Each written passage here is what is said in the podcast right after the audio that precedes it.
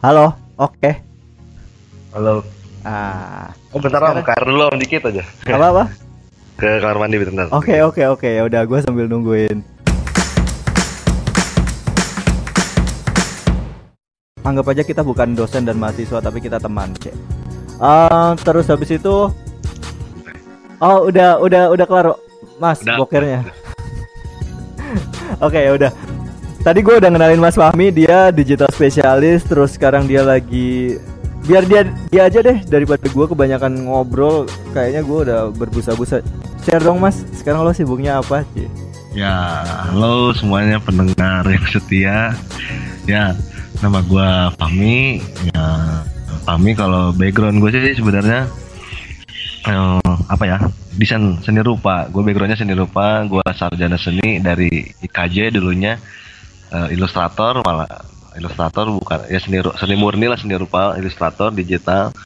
Terus cuman karena terpaksa gua harus waktu itu dulu karena gua nikah terus gua terpaksa harus cari uang uang dan yang gue punya cuman komputer di rumah. Terus gua harus gimana caranya gue berpikir bisa ngasilin uang dari rumah waktu itu. Karena gua nggak mau ke mana-mana waktu itu karena ya dulu Kena corona gitu. pengen, pengen- kebebasan lah ceritanya gitu nggak mau diatur atur akhirnya gua mulailah mulai kali di bidang desain di internet marketing gitu ya di desain sampai akhirnya nggak udah di situ bisa nggak puas pengen cari lagi. Ternyata sa- mulai sadar gitu ternyata di internet tuh banyak uang ya. Tinggal kita pikirin gimana sih cara mindahin uang uang ini ke kantong kita kayak gitu. Akhirnya gue nyobain banyak cara lain di internet marketing sendiri. Ya singkat ceritanya ya gue nemuin lah Facebook Ad terus main YouTube eh, dan lain Google AdSense gitu itu dimulai tahun 2014 kira-kira. Terus ya seiring berjalan terus udah gitu di situ kayak gue kehilangan sesuatu tentang diri gitu. Terus akhirnya gue coba buat kerja Kayak di tempat kerja juga ya banyak beberapa tempat kerja udah dilalui. Ya basicnya sederhananya gue lebih akhirnya gue nemuin jadi diri lah gitu. Ternyata gue tuh seorang digital strategis lah sederhana atau digital transformation gitu akhirnya gue Ah. men- mencanangkan diri gue itulah membaiat gitunya Membahas, membaptis, membaptis. Ah, baptis diri gitu sebagai seorang digital strategis gitu nah itu Heeh. kemudian sekarang ya balik lagi kerja dulu kerja 2000 berapa 2017 kalau nggak salah itu sempat yang kerjanya full time gitu tuh udah gitu sama teman-teman nyoba kita bikin agensi gitu coba Ah. bikin agensi di tahun 2017 tuh Ah, terus terus. setelah bikin agensi itu akhirnya kita mulai nih bikin agensi mulai dari dulu tuh e-commerce enabler jadi kita punya kerjasama sama orang juga teman yang punya platform e-commerce Oke. terus kita yang enablingnya gitu kita yang Ah. enablingnya yang enablingnya yang installin terus uploadin produknya manage sos sosmednya kayak gitu-gitu. Terus kontennya kita yang bikinin sampai ke pricingnya gitu. Akhirnya ternyata di situ ada ada ada opportunity lah dilihat gitu. Ada opportunity oh ternyata klien-kliennya semuanya klien-klien setelah diinstalin e-commerce-nya mereka tuh pertanyaan selanjutnya adalah gue gimana caranya buat branding e-commerce gue gitu. Terus Oke. dan ada juga gimana caranya buat datengin traffic ke website gue nah di situ di situ ternyata ada opportunity akhirnya kita spesifik ini dari yang tadinya bisnis model agensi kita yang terlalu broad gitu luas Heeh. akhirnya kita spesifikin lah udahlah kita mainnya di social media management dan digital marketing aja aw- awalnya gitu Oke. itu Ah, di sebelum awal lo tahun cerita nih. 2017 lah Sebelum lo Hmm. cerita nih, apa sebelum lo cerita, gue Ya. mau nanya, lo boleh gak sih mention beberapa brand yang kira-kira pernah lo handle? Ya nggak nggak usah sebut nama brandnya nggak masalah, tapi kalau misalnya brand inisial nggak apa-apa deh kalau kalau konfidensial. ada brand yang pertama yang sekarang masih jalan tuh udah tiga tahun kan brand yang BUMN juga hmm, ini tambang tambang Oke. jadi Heeh, yang jualan emas ya. jualan emas gitu Terus? terus pernah di beberapa timpak juga sih pernah bantuin sih beberapa timpak juga gitu ada ya si Jangger terus ada juga ya Oh si hutan. Hutan lan, hutan landai gitu, hutan tanah gitu. Nah, terus udah gitu ya Taman Mini sempat juga bantuin. Gimana ya teh? Nge, eh, nge inisialinnya itu Eh, ya, itu. TMII. Iya. Kayak gitu-gitu. Terus, lumayan sih banyak juga. Terus apa ya beberapa brand e-commerce banyaknya sih beberapa brand e-commerce. Terus sempat juga bikinin UI desain juga sempat di UI desain buat eh Tokopedia kayak gitu-gitu sih pernah semacam lumayan lah banyak gitu kalau brand-brand. Gitu paling. Ah oke. Okay. tadi kan gue biasanya kalau di awal ketika ngobrol sama teman gue yang di digital itu nah. pasti bakal nanya brand yang menurut lo paling challenging? Gue nggak bilang kampret ya tapi challenging dari sekian banyak brand itu biasanya di segmen apa sih? Retail. Retail. Kenapa retail maksudnya retail dan dia masih uh, growth state gitu masih baru kayak baru jalan setengah tahun atau satu tahun lah tapi udah mulai ada revenue nih. Ha-ha. karena dia itu nggak punya objektif yang jelas menurut gua. Oh kayak, ngapain lo pakai digital objektifnya apa gitu? Dia bilang mas gue pengen followers gue naik ya tapi gue pengen uh, brand gue posisinya di sini. Terus gue juga pengen penjualan naik tapi budget iklannya cuma lima ratus ribu sebulan. Gitu Jira gimana what the expect lah gitu kan. Iya iya iya iya I see, I see. Tapi sebenarnya ideal budget buat uh, sebuah brand masuk ke digital itu berapa sih? Kalau untuk start sih sebenarnya untuk 15.000 per day sih masih make sense, tapi objektifnya jelas, lu mau branding atau mau konversi gitu. Bedanya kan, apa? Ini ini mahasiswa gue masih hijau-hijau banget nih soalnya nih. Oke. Okay jadi gini, let's say kalau lo mau bilangnya branding, berarti ya output lo adalah naikin brand awareness kan. Katakan ini akan pengaruhnya kepada campaign yang lo create nantinya, gitu, ya kan. Ah. Misalkan uh, campaignnya mau branding ya udah kita ngomonginnya ya udah tentang apa corporate informasinya, produknya apa sih, servisnya apa sih, apa benefitnya kita, keunggulannya kita apa gitu.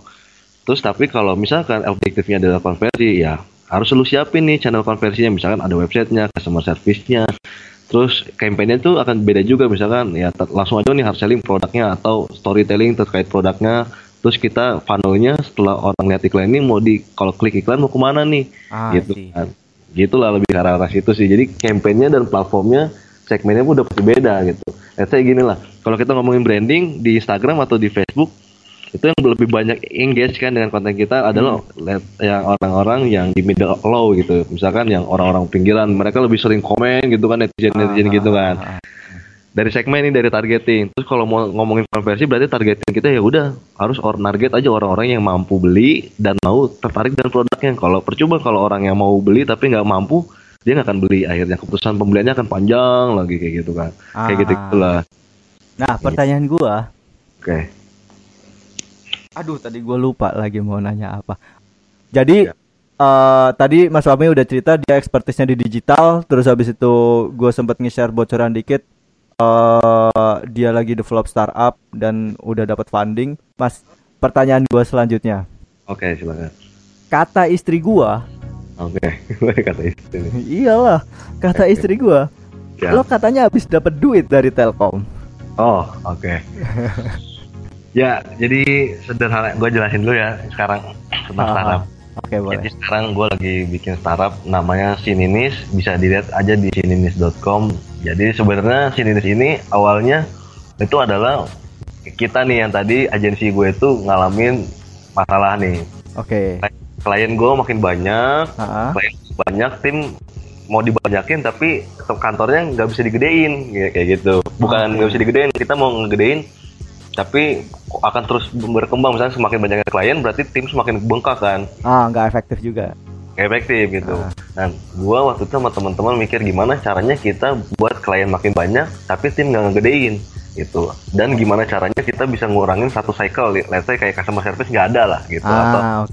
okay. nggak ada. Akhirnya gue mikirin satu platform apa nih yang bisa mengakomodir itu terkait tuh manajemen tugasnya, terus postingnya, karena kan kita sosial media manajemen kan, terus buat postingnya, terus bikin kontennya kayak gimana. Akhirnya gue pikirin, oh gue perlu satu platform yang bisa manajemen tugas, terus gue bisa komunikasi dengan orang banyak, tapi nggak perlu nggak perlu dia in house di kantor gue gitu. Oke, okay, terus terus? Terus kemudian uh, bisa posting otomatis juga, jadi gue nggak perlu nge admin banyak buat ganti-ganti handphone kayak gitu kan, buat posting-posting di Instagram kan. Walaupun udah ada tool yang serupa dan harganya tapi masih relatif mahal gitu. Ah oke. Okay. Murah. Nah gue bikin lah tools itu awalnya, gue bikin blueprintnya. Pada saat itu, ketika gue bikin blueprintnya panjang banget sampai udah full full full system lah gitu ternyata di situ gue mikir anjir biayanya besar banget ya kalau gue buat kayak gini gitu kan. Nah singkat cerita tuh akhirnya gue mikir oh gue butuh investor waktu itu. Di situ sama sekali gue nggak ngerti tentang startup. Oke. tentang investasi tentang investor terus dunia startup sosial itu semua kayak gue ide buat eh, nyari investor ide buat pembagian jual sahamnya kayak gimana itu semua intuiting aja intuisi lah total intuisi gue nggak pernah belum sebelumnya belum baca baca tentang startup. Sampai akhirnya gue mikirin ide oke gue pembagian saham kan gini kalau gue jualin ke investor kan kayak gini. Terus akhirnya baru setelah itu gue baca-baca tentang startup gue belajar lagi sama orang-orang gitu. Ternyata match nih apa yang gue pikirin. Nah Ah, ah, ah. tahun 2019 awal akhir 2018 akhir gue itu sama teman-teman fokus nyari investor. Ah, ah. itu kita hampir ditolak 5 sampai 6 investor di mana sama investor cuman gue ya nggak namanya kita seorang founder startup tuh harus agile kalau katanya kata tesisnya tuh harus agile harus lincah gitu dia. Ya, akhirnya di situ gue mikir gitu sama teman-teman. Ditolak sama enam investor gue cuman bilang sama teman-teman kita nggak usah nyerah kata. Ya kita bilang kita anggap aja mereka adalah list-list orang yang akan merugi di suatu hari nanti kata udah nolak kita gitu kan. Ah, nah itu. Nah lucunya di tahun 2019 gue tuh bikin produk baru yang tadi produk yang tadi itu udah gue pendem. Oke. yang tadi gue di tahun 2019 itu awal gue tuh bikin produk baru sama teman-teman ya. Itu adalah plastik kimia itu adalah sebenarnya plastik kimia ini lebih ke platform buat daur ulang lah. Ah, Jadi oke. loyalty program daur ulang bla bla bla nah itu tahun itu gue jualan ini nih gue fokus nih buat pendanaan ini. Gue udah dapat pendanaan dari Ristek dari mana-mana. Yang plastik ini udah tawaran kita gabung sama inkubatornya ITB waktu itu. Oh, Oke. sama gabung sama inkubator. Jadi mereka yang aksesin kita ke pendanaan pemerintahan atau CSR dan lain-lain kita banyak tawaran pendanaan. Tapi tiba-tiba Telkom nelpon kita. Ah, tuh Telkom nih katanya gua masuk ke program inkubatornya mereka dan dapat pen- akan mendapatkan pendanaan padahal gue udah nggak pernah urusin yang produk sininis tadi nih produknya sininis tuh udah gue tinggalin satu tahun yang lalu Oke, oke. Terus, terus, terus. Menarik nih. tiba-tiba eh, di pertengahan tahun 2019 lalu tuh si Telkom nelpon mas eh, kalian dapat dapat eh, ya lah diterima masuk terus nanti tinggal pitching pitching di depan para mentor dan lain-lain kalau oke kita mulai funding ya tadi mereka gitu oke gua pan gua pitching taunya gua masuk. Lah jadi kan gue bingung nih sama teman-teman bingung nggak kita gimana nih produknya ini? Udah mau dapat dana juga lebih banyak banyak juga. Cuman eh, ini juga udah uangnya udah masuk malah gitu waktu itu. Ah, jadi akhirnya produknya produknya satu lagi kita matiin semua matiin dulu lah semua Yang yang plastik yang plastik ini ini itu. kita matiin. Ah, ah. plastik ininya akhirnya dimatiin semua karena timnya nggak ada juga. Ah, waktu Oke. itu akhirnya ya udah kita dapat pendanaan dari Telkom nah jadi buat teman-teman sebenarnya yang lagi dengerin ini sebenarnya gampang banget buat gabung ke pendanaan Telkom dia ada namanya programnya Indigo Indigo. Indigo Indigo dan boleh bisa diakses aja di indigo.id nah sekarang dia lagi buka nih batch yang mau 2020 nya Hmm. Lo juga waktu itu daftar juga di situ. Iya, tapi gue daftarnya 2018. Ah, tapi baru fundingnya 2019. Dan gue udah nggak mikirin sama sekali itu. Hmm. Tuh. Pernah sempet daftar lah gitu dan nggak pernah ada apa-apa. Teonya ditelepon gitu setelah setahun. Nah itu gue daftar di situ dan lumayan gitu. Jadi akhirnya gue dapat funding dari mereka. Akhirnya gue bisa memvalidasi ide bisnis gue yang tadi, ide startup gue. Hmm. Bisa dapat pembiayaan juga buat ngebangun produknya dan sampai ke biaya marketingnya ya lumayan karena nilainya juga lumayan ini nilainya kalau boleh disebutin aja biar teman-teman tertarik buat bangun startup Hmm, hmm. itu total investasi yang dikasih Telkom itu adalah 2,5 miliar 2,5 miliar tapi itu di parsial berdasarkan KPI dia tiga bulan sekali kasihnya Oke. Gitu. Berapa berapa berapa? Sorry sorry, gue gue nggak konsen nih. Angkanya berapa? 2,5 miliar 2,5 miliar dalam dalam satu tahun dalam satu tahun. Oke, bentar. Itu cicilan rumah gue langsung lunas kayaknya deh. Iya kayak gitu ya tapi biasanya dengan budget segitu, itu kan biasanya kan term apa ya? Belum masuk. Itu funding level 1 ya biasanya ya. Ya, jadi gini, oke. Jadi ini pun namanya kan sa- 2,5 miliar itu hanya seed funding nih. Kalau untuk di startup kan istilahnya seed funding, pendanaan Ah. inisial funding nah di awal. Jadi ini pun di seed funding itu dibagi sama dia tiga tahap, eh empat tahap. Oke. Jadi tahap pertama ini ada namanya customer validation. Customer validation ini lebih kayak lu survei ke orang-orang di sekitar lu, ide lu valid gak sih? Ah, Mas- oke. Masalah yang tadi lu pin itu di atas tadi ya pain problemnya pain pointnya itu bener gak sih lu misalkan lu bilang masalah ini atau masalah ini cuma yang lu rasain yang lu, lu doang yang ngerasain kah atau ada orang yang banyak yang ngerasain maksudnya jadi kayak buat ngukur kita seberapa besar sih masalah ini gitu Ah, oke. market oke. size lah market size nya seberapa besar terus lu setelah itu lu validasi lu, dengan masalah yang tadi gue mau menawarkan solusi seperti ini gitu Jadi terus- intinya setiap apa yang harus lo tawarkan, lo juga menawarkan solution dong. Betul. Kita Oke. punya masalah nih, masalah yang kita tadi kita eh, istilahnya kita analisa gitu ya, terus kita tentukan oh masalah rumus masalah gua adalah ini nih. Masalah gua adalah ini. Terus akhirnya solusi yang mau gua tawarin, gua coba buat adalah ini. Gitu kan. Nah, itu kita kita supply ke orang-orang nih, ke valid ke customer kita, calon customer kita. Karena kita kan tadi orang-orang itu adalah segmen kita kan. Ya, orang yang Ah. validasi itu adalah segmen kita. Nah, setelah itu setelah akhirnya valid biasanya nanti ada li- listener yang kita dapat pelajaran dari tadi pas validasi oh ternyata user gua nggak membutuhin solusi yang ini dari solusi banyak yang kita tawarin ternyata dia lebih butuhin cuma ininya doang toh aja gitu nah akhirnya dari situ kita bisa ngambil eh, benang merahnya yang untuk kita bikin nanti namanya MVP MVP itu adalah minimum valuable product. Di Ah, istilah startup tuh ada itu. Aha. minimum valuable product. Jadi dari ide kita yang banyak tadi lu kasih lu cari core of the core-nya adalah apa gitu. Intinya dari segala ini apa kasih dia minimum valuable product. Analogi sederhananya kayak lu mau bikin kereta mau bikin Ah. kereta api tapi sebelum lu bikin kereta api mendingan lu validasi dulu. Lu coba bikin sepeda. Orang ada gak yang mau pakai sepeda? Ah, kan kalau orang mau ada yang bikin sepeda baru upgrade lagi. Jadi motor upgrade lagi jadi mobil. Upgrade lagi jadi truk misalkan. Upgrade lagi jadi kereta misalkan. Nah gitu. MVP tuh mainnya. Nah pertanyaan gua MVP-nya sini ini itu apa? MVP-nya sendiri nih akhirnya kolaborasi tools gue bilang. Sekarang. Jadi gue upgrade tiga tiga fitur di MVP-nya gue ada collaboration tool, terus satu kayak kedua adalah eh, fitur rekrut. Jadi gue berdasarkan kemarin validasi orang-orang punya apa orang-orang itu butuh collaboration tool, tapi ada juga UMKM yang nggak nggak butuh yang yang dia nggak punya tim, terus gimana caranya gue buat bikin konten gitu. Oke. Jadi akhirnya gua di platform gua adalah gua meng menghubungkan UMKM ini dengan banyak freelancer Oh, buat gitu ya? create, create kontennya mereka kayak gitu. Sebenarnya target gua nanya ke basic dulu deh. Target Sininis itu awalnya itu buat siapa sih? Buat UMKM. UMKM ya? Ya, jadi buat UMKM, jadi tujuannya emang karena emang visi kita kan ada digital transformasi. Gua jadi punya visi gimana caranya mentransformasi semua UMKM yang ada di Indonesia. Ah, sih. So, solusi yang gua angkat eh mas, apa masalah yang gua angkat itu adalah kayak UMKM tuh banyak banget sekarang di Indonesia yang pertama dibohongin agensi gitu, ya kan? ya, aduh, ntar kalau gue bilang agensi tukang ngibul, gue nggak dapat klien lagi dah. ya maksudnya bukan itu lah ya sebenarnya kayak gitu gua maksudnya oke lah di sini jadi measurementnya lebih jelas dengan sini sini gua harapannya oke kalau kan tetap bisa dengan agensi tapi ada measurement alat ukur yang eh, lebih bisa diukur gitu. Kayak gitu di situ. Katakan kayak gitu.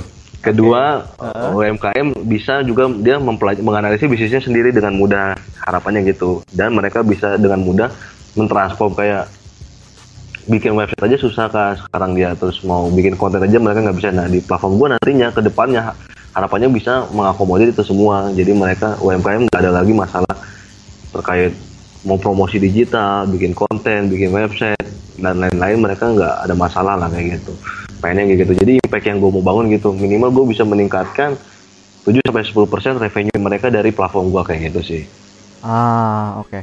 Gue mau nanya satu. oke eh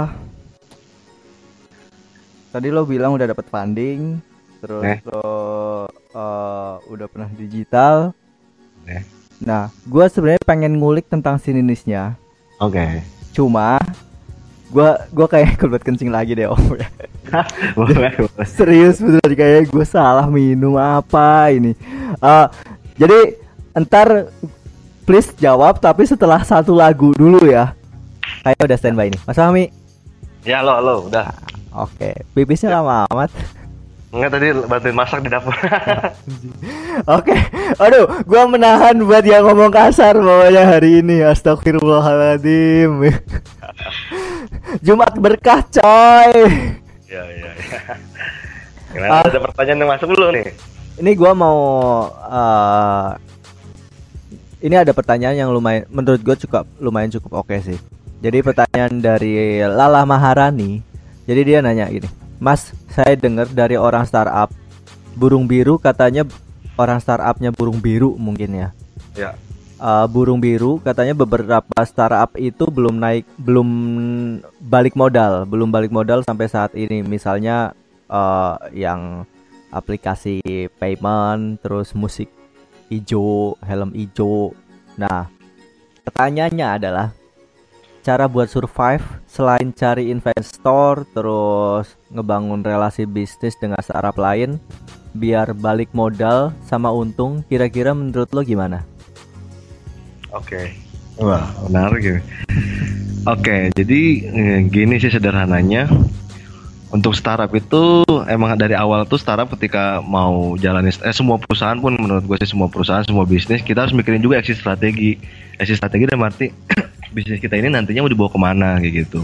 Nah, kalau yang dilakukan startup itu sendiri sebenarnya kalau ngomongin uh, tadi balik modal yang kapan atau gimana caranya balik modal, uh. karena ya karena fokusnya startup itu sekarang kan mereka ini uh, karena startup pertama startup itu nggak ada raw modelnya ya okay. raw modelnya dalam arti kita nggak bisa ngelihat bisnis yang existing kalau misalkan ngomonginnya kita mau bikin bisnis kuliner atau bisnis bank gitu kita udah ah. tinggal contek aja bank yang ABC misalkan bank ABC terus kuliner ini kita tinggal contek gitu kan bisnis ayam gitu ya bisnis ayam tinggal contek nah kalau misalkan startup kan kita mau nyontek nyontek siapa jadi mereka perlu dapetin user sebanyak banyaknya dulu untuk tadi tetap memvalidasi dulu bisnisnya ini mau ke mana kebutuhan user tuh kayak mau kayak gimana lebih ke arah sana nah kalau menurut si Dinis itu udah sevalid apa sih? Gimana? Sorry, putus-putus. Sorry, si si Ninis si Ninis itu udah sevalid apa sih menurut lo? Kalau saat ini sih sekarang hmm, dibilang kita udah memvalidasi kemarin terakhir sih ada yang mau pakai platform kita ada sekitar 170-an sih. Kemarin itu belum ada platformnya itu baru dari kayak idenya doang gitu kan. Terus dari klien-klien kita juga kita klien kan sekarang total ada yang existing berjalan tuh ada 20 sekian ah. existing berjalan banyak nih ya lumayan nih nah balik lagi tuh dengan angka segitu lo udah balik modal belum Hmm, dari awal gue udah balik modal kalau bisnis gue karena gue orient, profit oriented hmm, gitu. Oke, okay, menarik nih. Jadi dari awal bisnis gue emang selalu bikinnya uh, profit oriented, revenue oriented. Gitu. Beda sama startup startup yang lain rata-rata kan mereka tadi ngejar valuasi. Jadi kalau mereka itu tadi yang nggak balik modal itu mereka adalah yang kejar valuasi gitu. Valuasi itu kayak banyak usernya berapa gitu ya? Karena valuasi juga nggak ditentukan ya oke okay lah katakan user pertama traction gitu user terus pengguna terus kedua juga foundernya foundernya itu sama investor tuh biasanya ketika ngefunding hmm. kayak itu juga naikin si exposure nih tentang founder ini dinaikin nih di mana-mana di media mana di mana kayak gitu lebih kayak gitu itu yang bisa boncos bakar duit ya Betul. Nah itu sama kan investor kita nih investor yang di seed tadi misalkan katakanlah perusahaan A misalkan. Ah. Mereka ini investor yang awalnya ini dia mereka funding emang cuman buat dapetin user. Oh, Oke. Okay. User dapetin user sampai udah banyak usernya udah banyak. Si investor ini dia udah nyiapin exit strategi. Oh misalkan target sampai satu juta user. Nah udah satu juta user nilai valuasi si investornya kan naik kan. Ah. Nilai valuasi yang tadinya dia beli misalkan beli saham si A 10% dengan nilai Uh, 100 juta, 10% okay. dengan nilai 100 juta. Karena udah itu dengan posisi usernya hanya 10 orang katakan gitu. Ah. Selama satu tahun dengan dikasih dua dengan uang 100 juta tadi, katakan startup ini jadi bisa melakukan marketing bla bla bla dan mengakuisisi sekitar 1000 sampai 10.000 user gitu. Otomatis bertambahnya user, nilai revenue meningkat, terus nilai valuasi perusahaan pun menaik naik nih, ah. gitu yang tadinya 10% terus tadi nilai investor saham investor 10% adalah 100 juta karena valuasi perusahaannya naik nilai sahamnya dia pun naik jadi tadinya 100 juta 10% itu 100 juta misalkan jadi 1 miliar 100 jutanya. Ah, nah okay. di situlah saatnya si investor buat exit. Biasanya dia kata biasanya kayak nah di situ baru si investor dia jual sahamnya dia ke orang lain atau dia menawarkan si perusahaan itu sendiri membuat beli saham si investor tadi. Nah, kayak buyback lah. Ya. Buyback gitu. Ah, oke. Okay gitu ya jadi, kalau berarti lo udah ngantongin duit dua setengah m nih ceritanya iya cuman masih bertahap kan jadi dia tadi ada empat tahap itu jadi tetap kita ada KPI jadi per tiga bulan sekali itu di KPI-nya mana Kalau ada KPI-nya achieve baru kita difunding lagi sama dia, difunding lagi. Tapi udah kita kontraknya selama dua untuk mendapatkan funding dua setengah m itu. Jadi dia nyediain mentor juga, akses ke semua ke bisnis bisnis unitnya Telkom misalkan. Aha. Itu dikasih akses juga sama mereka kayak gitu-gitu. Kita bisa tapping ke sana sih kayak gitu. Berarti dapat internet gratis dong. Eh internet enggak, cuma kita dikasih server yang senil server gratis dari si Ah. AWS Amazon server tuh. Itu lumayan mahal juga ya setahu gue. ya. Lima belas ribu dolar gitu dikasih, saya, saya ingat sih lima belas ribu dolar server. Tahun. Hmm, unlimited itu sampai habis aja. Ah, oke oke. Oh, kuotanya 15 ribuan ya. Ya, Ah, gue lanjut deh ke pertanyaan yang, eh, yang tadi sebelum lagu itu eh, mulai. Eh, kayaknya gue, seingat gue, gue pernah nyobain beberapa project management tools kayak Trello, terus Asana, gitu-gitu kan. Nah, dan itu kan kebanyakan emang target target marketnya itu buat corporate dan gua belum nemu banyak eh, project management tools itu buat UMKM apalagi di Indonesia lah. Kalau misalnya di luar mungkin beberapa project management tools udah mulai ngincer target audiensnya UMKM. Kok lo bisa kepikiran sih mikirin UMKM? ya. Tadi itu pertama karena UMKM ini nggak punya tim. Ah, Satu, justru karena dia nggak punya tim dan masih self self founder gitu ya. hmm. Di Indonesia itu masih self founder, self owner. Mereka mau ngerekrut tim biayanya terlalu tinggi kan. Katakan Ah. dia mau harus in house di di kantor gitu, biayanya terlalu tinggi lah, keeping cost dan lain-lain. Mereka harus cari tim yang murah gitu. Misalkan dapatnya di Surabaya, tapi perusahaannya di eh, Jakarta misalkan. Dia dapat timnya di Jogja lah yang UMK, UMR rendah misalkan. Hmm. Nah, itu buat kerja remote kan susah gitu kan. Untuk kerja remote susah untuk ngasih tugasnya susah dan semua biar bisa diukur gimana nih caranya kinerjanya.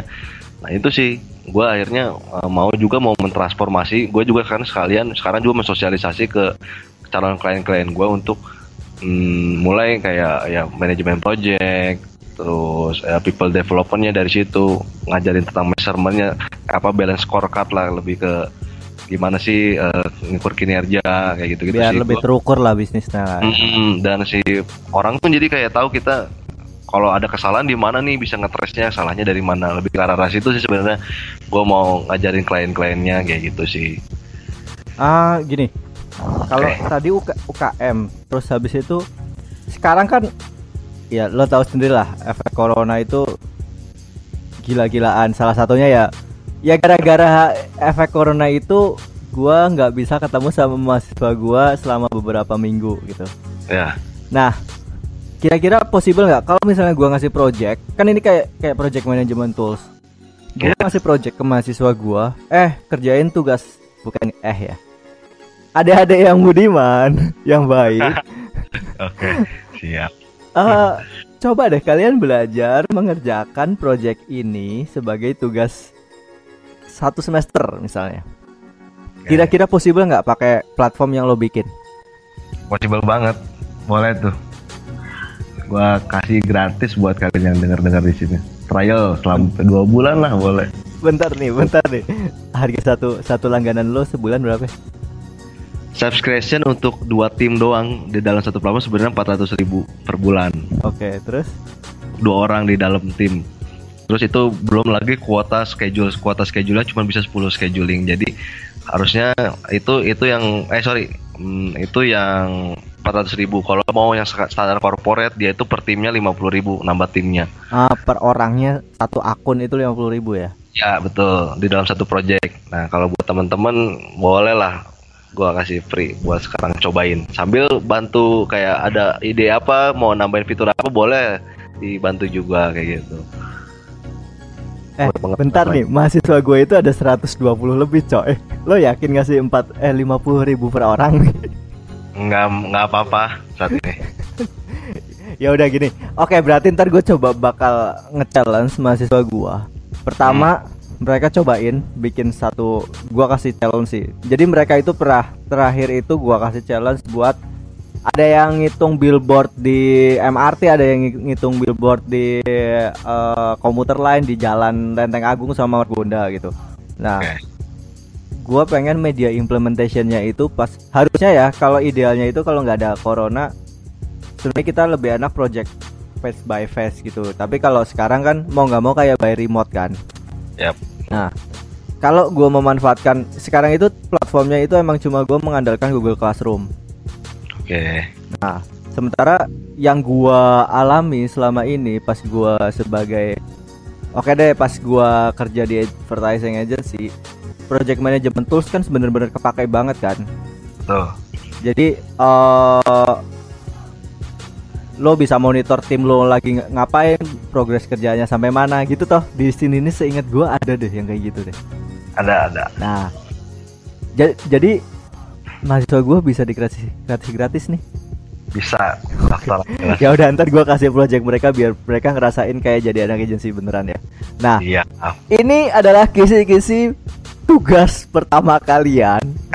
Kalian make coba kalian ini nggak promo ya, pure nggak promo. Gua yakin kalau gua jadi anak startup gua bakal mikir-mikir lagi. Ini saking baiknya Fahmi. Hmm, Untungnya bini gua ngenalin ke lu deh, serius beneran. Iya. saking baiknya eh ngasih satu account buat dua bulan gua pernah pakai Trello itu langganannya per bulan itu nyampe 20 atau 30 dolar ya ya Iya. Heeh. jadi lumayan lumayan lumayan mehong sih asana lebih mahal lagi kayaknya seingat gua Karena normal. Heeh. Jadi eh, coba kalian kulik. Cuma gue yakin sebagai orang startup, Fahmi juga nggak nggak baik-baik amat gitu. Ya. gue pengen minta kalian ntar juga nge-feedback ke Mas Fahmi. Ya syukur-syukur ada yang di hire ya bos.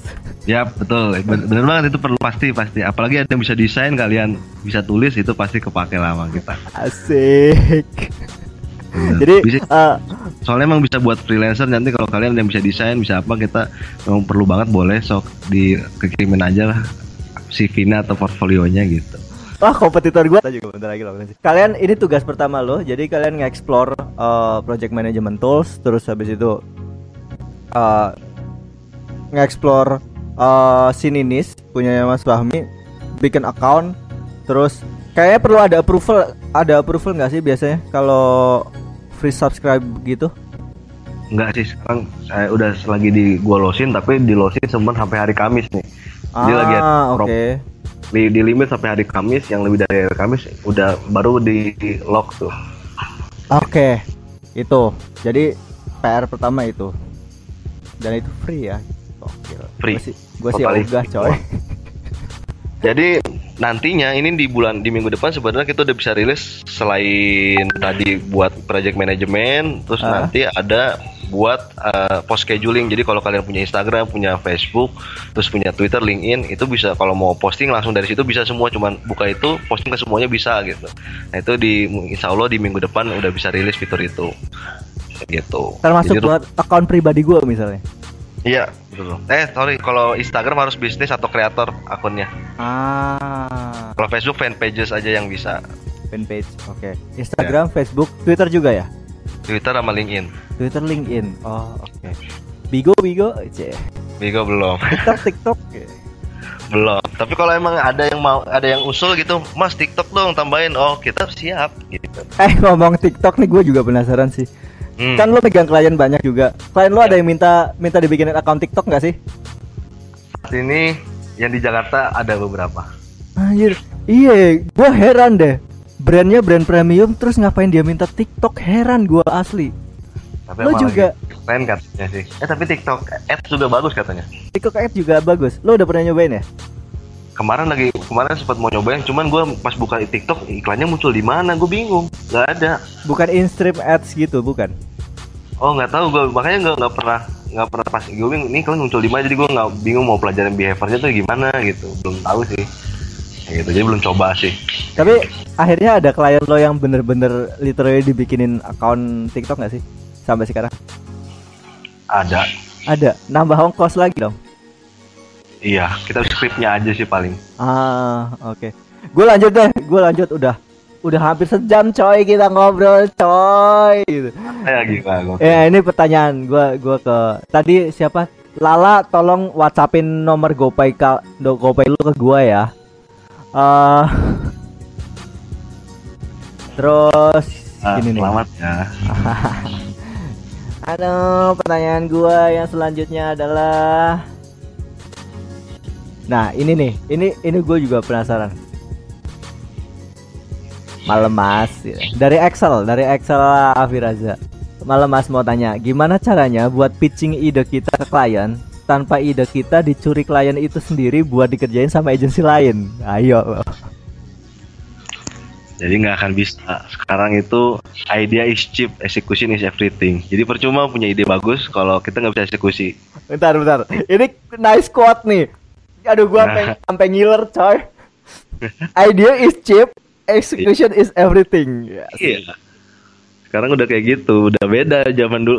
Apa perilaku orang udah shifting kan, udah berubah, nggak bisa, nggak bisa. Jadi ya mau nggak mau pasti kalau lu punya ide ya gimana caranya lu eksekusinya baru. Jadi sekarang baru lu bisa mempertahankan ide itu. Kayak gitulah. Lebih ke arah Ah. sana. Terus Contohnya kayak misalnya mungkin gue dari sebelum Mas Nadim bi- kepikiran bikin Gojek, gue udah kepikiran ada ojek online ya. Betul. Cuma gue nggak eksekusi sampai sekarang gitu. Iya, karena dia lebih eksekusinya is everything lah tadi kayak gitu. Tapi Sama mungkin mungkin gini ada tips dari gua. Jadi ketika kalian mau bikin pitching, mau bikin pitching, jadi kalau di dunia startup tuh ada istilah juga namanya elevator pitch. Elevator Elevator. pitch itu adalah eh, kondisi di mana misalkan lu suatu hari kejebak di dalam lift sama Bill Gates gitu. Terus lu Ah. cuma punya waktu 1 sampai 2 menit buat ngejelasin apa sih bisnis lu gitu. Nah, Ah. mungkin pitchingnya bisa diperingkas dengan cara bikin elevator pitch itu kayak gitu. Jadi konsepnya cuma itu sih elevator pitch itu jadi lu bikin lu siapa, bisnis lu apa, solusi lu apa yang lu tawarin dan gimana cara kerjanya, apa benefitnya udah aja. Cuma lima poin itu itu harus bisa lu jelasin dalam waktu satu menit. Mungkin itu lebih bisa ngejaga ide uh, keaslian ide lu ya kayak gitu sih. Mungkin ah oke. Tapi lo pernah nggak ide lo dicolong? Bentar, bentar. Ini ini ini, ini nanya nanya serius sih. Ya gimana ya. Pernah pernah banget. Pernah banget.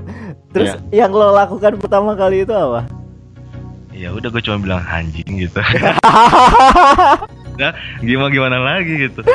Yang, yang nyuri ide gue nya dia duit punya, modal lebih oke, networking oke ya udah gue cuma bisa bilang anjing gitu. Jadi suatu hari gue pernah di Gue kasih applause dulu. di pitchingin sama orang gitu.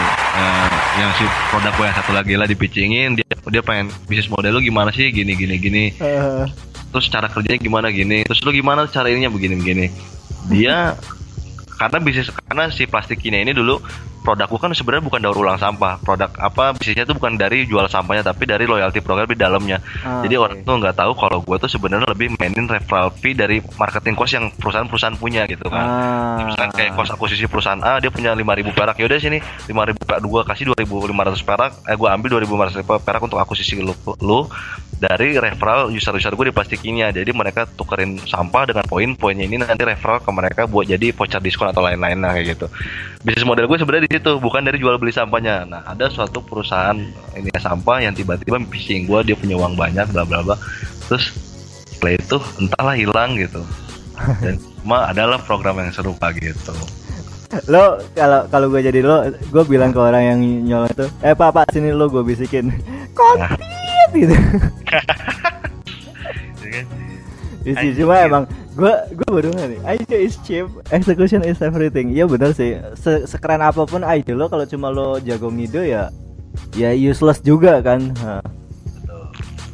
Nah oke. Ini sebenarnya udah masuk ke session terakhir nih. Oke, siap. lo udah ngasih free. Tapi sebenarnya gue pengen pengen nanya satu hal sesuatu yang eh gini nih. Lo asal lo tau lo masih tatoan gak sih om Masih. masih kan? Yang yang first impression gue ya ketika lo lo lo bisa search lah namanya Fahmi Sininis gitu. Ya, ya. itu pasti ada mukanya kan? Men serem banget men. Siapa ya? Dosen paling serem di kampus itu siapa ya? Nggak nggak ada yang bisa ngalahin. Tatoan lagi. Cuma ketika lu ngobrol ini kayak gua ngobrol sama dia bisa awet gitu loh. Maksudnya cover lu ya lo tau ya om gue juga mukanya kan kayak gembel juga gitu yang namanya ternyata cover itu nggak nggak ngefek juga sama sama isi otak gitu. Karena gue yakin isi otak lu beda. Lo anak IKJ lo pernah di advertising company terus lo sekarang develop startup lo tadi anak seni rupa. Kan sebenarnya lumayan idealis banget ya seni rupa. Gue yakin banget teman-teman gue yang di seni rupa pun juga banyak banyak banget yang idealis.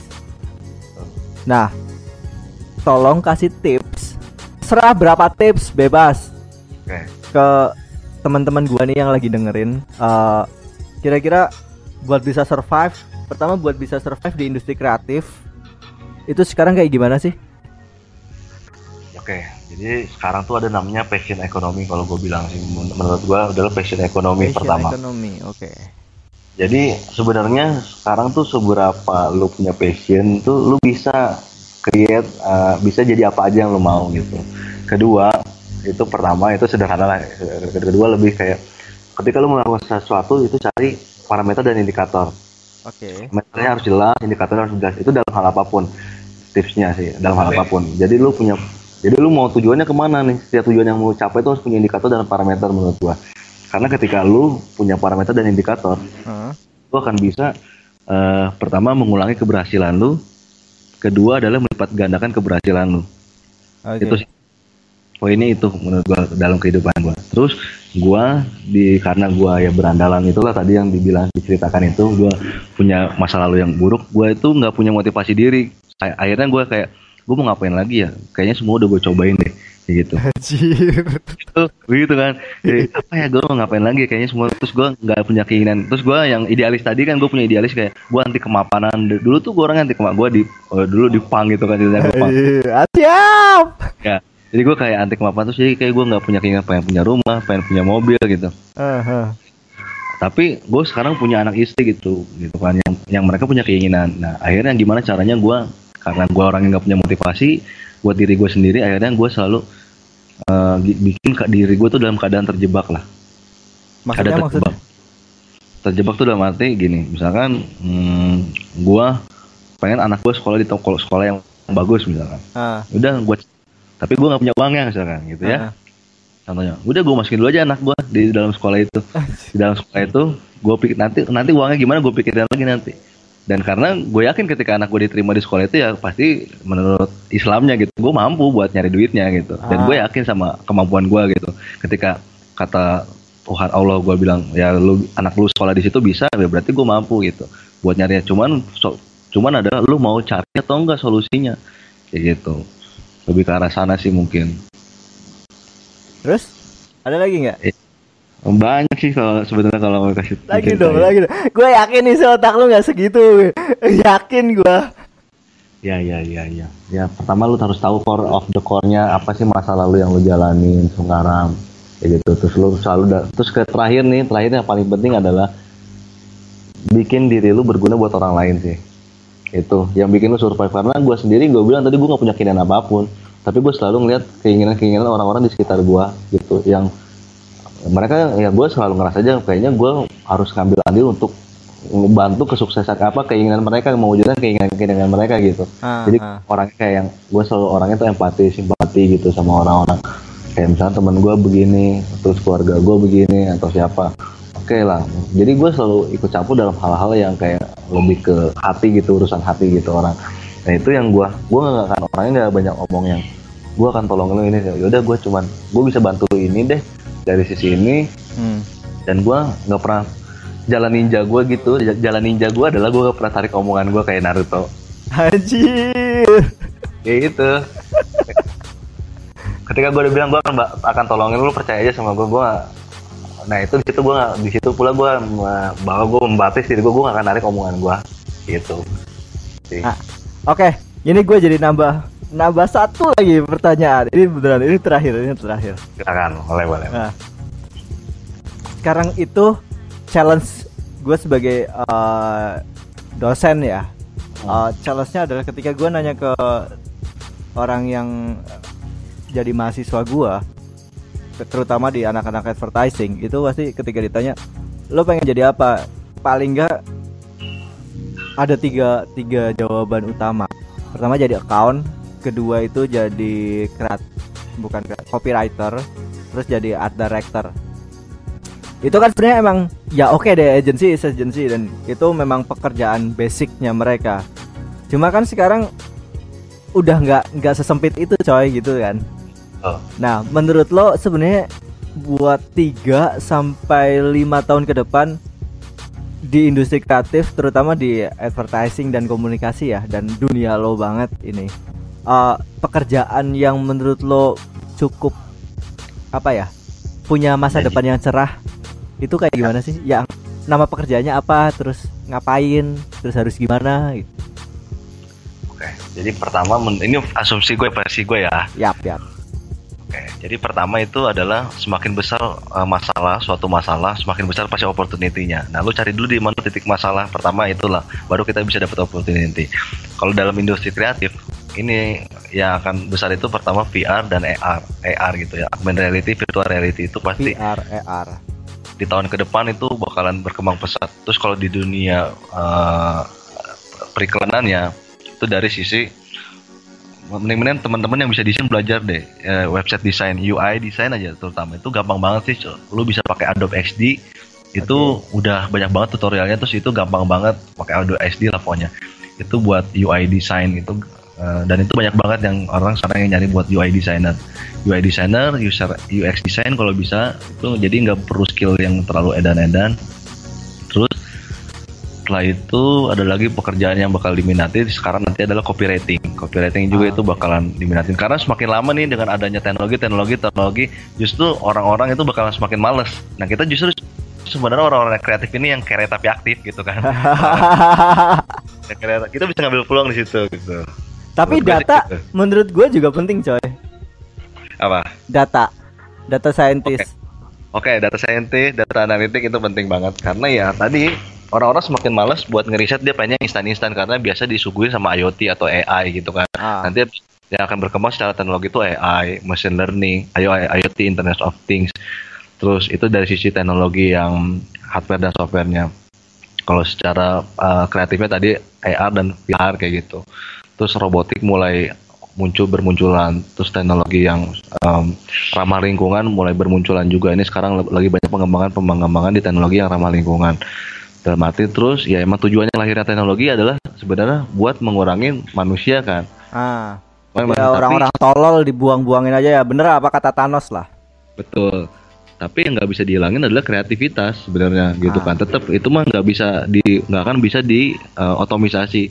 Karena tetap kreativitas itu butuh orang buat memikirnya karena nggak akan bisa mesin itu memikirkan kreativitas karena kreativitas tadi sifatnya dinamis kan. Ah, ah, ah. waktu berjalannya pasti uh, manusia. Ya itu harus tetap ada manusianya. Nah di situlah gimana teman-teman yang hidup di dunia kreatif sebenarnya bisa banget uh, manfaatin di situ. Dan banyak banget sekarang juga di internet yang bisa dicobain. Gue sendiri jujur udah nyobain uh, semua gitu. Dari mulai desain video nulis dan lain-lain. Uh, main YouTube dan, dan itu semua ada di internet tuh uangnya tuh ada gitu. Nggak perlu kalian kerja pun sebenarnya ada uangnya itu gitu Sa- Uang datang bisa ke kita ya. Cie. iya tinggal kitanya mau atau enggak 5 sampai 10 juta sebulan di rumah juga bisa lah kayak gitu Kagak nuyul tau sama ngejenglot tapi kan.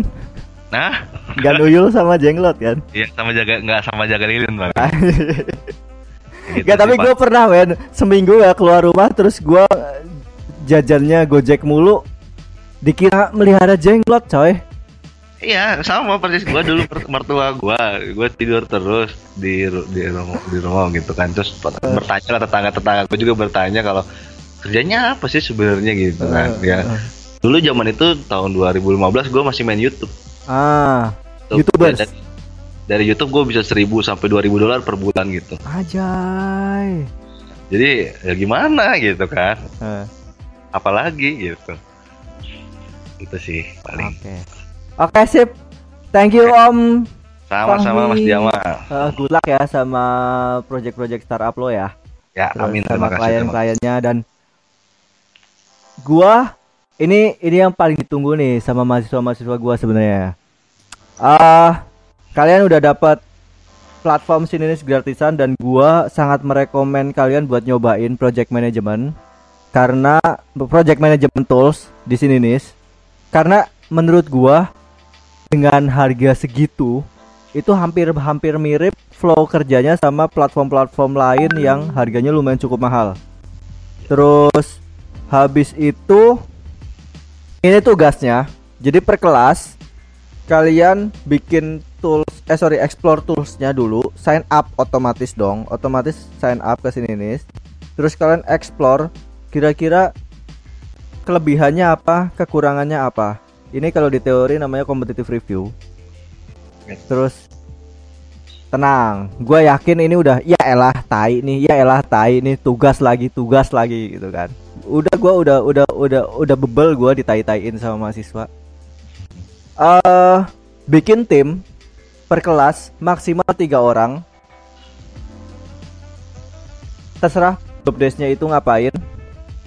Terus habis itu uh, bikin analisis platformnya Sininis pertama kelebihan dan kekurangnya apa. Terus habis itu uh, sama kalian cari tahu ngebangun awarenessnya Sininis itu sekarang kayak gimana. Apakah dia pakai media sosial apakah dia pakai media TV media radio. Karena mata kuliah kita media ekosistem ya coy. Oke. jadi ah gue penasaran Sininis itu kalau dari sudut pandang user mereka dapat taunya informasinya kebanyakan dari mana? Apakah mereka masang billboard atau punya SPG? Gue sendiri juga nggak tahu. Nah, ini yang perlu kalian analisis. Deadline hari Rabu jam 23.59 bisa disubmit di sini nih ya. Bisa. Ah, disubmit di sini nih. Ntar kalian per kelompok juga nginvite gua sebagai salah satu uh, project tim kalian gitu kan biasanya ya sistem workflow-nya ya. Betul. Ah, oke. Gitu ya. Thank you sampai thank you Om Fahmi sekali lagi. Makasih, makasih, makasih banget. Sama-sama banget. Nah, Eh, ini gua paling gua lah jarang loh ngobrol ngobrol sama berfaedah wah, sejak gua jadi dosen. ya udah, thank you Om. Sampai ketemu minggu depan. Eh, sampai ketemu minggu depan. Sampai ketemu di tempat lain. Cek. Eh, ya, pokoknya gitu aja dari saya. Kalau semoga bermanfaat, kalau nggak bermanfaat ya manfaatkanlah. Oke ya. Assalamualaikum warahmatullahi wabarakatuh.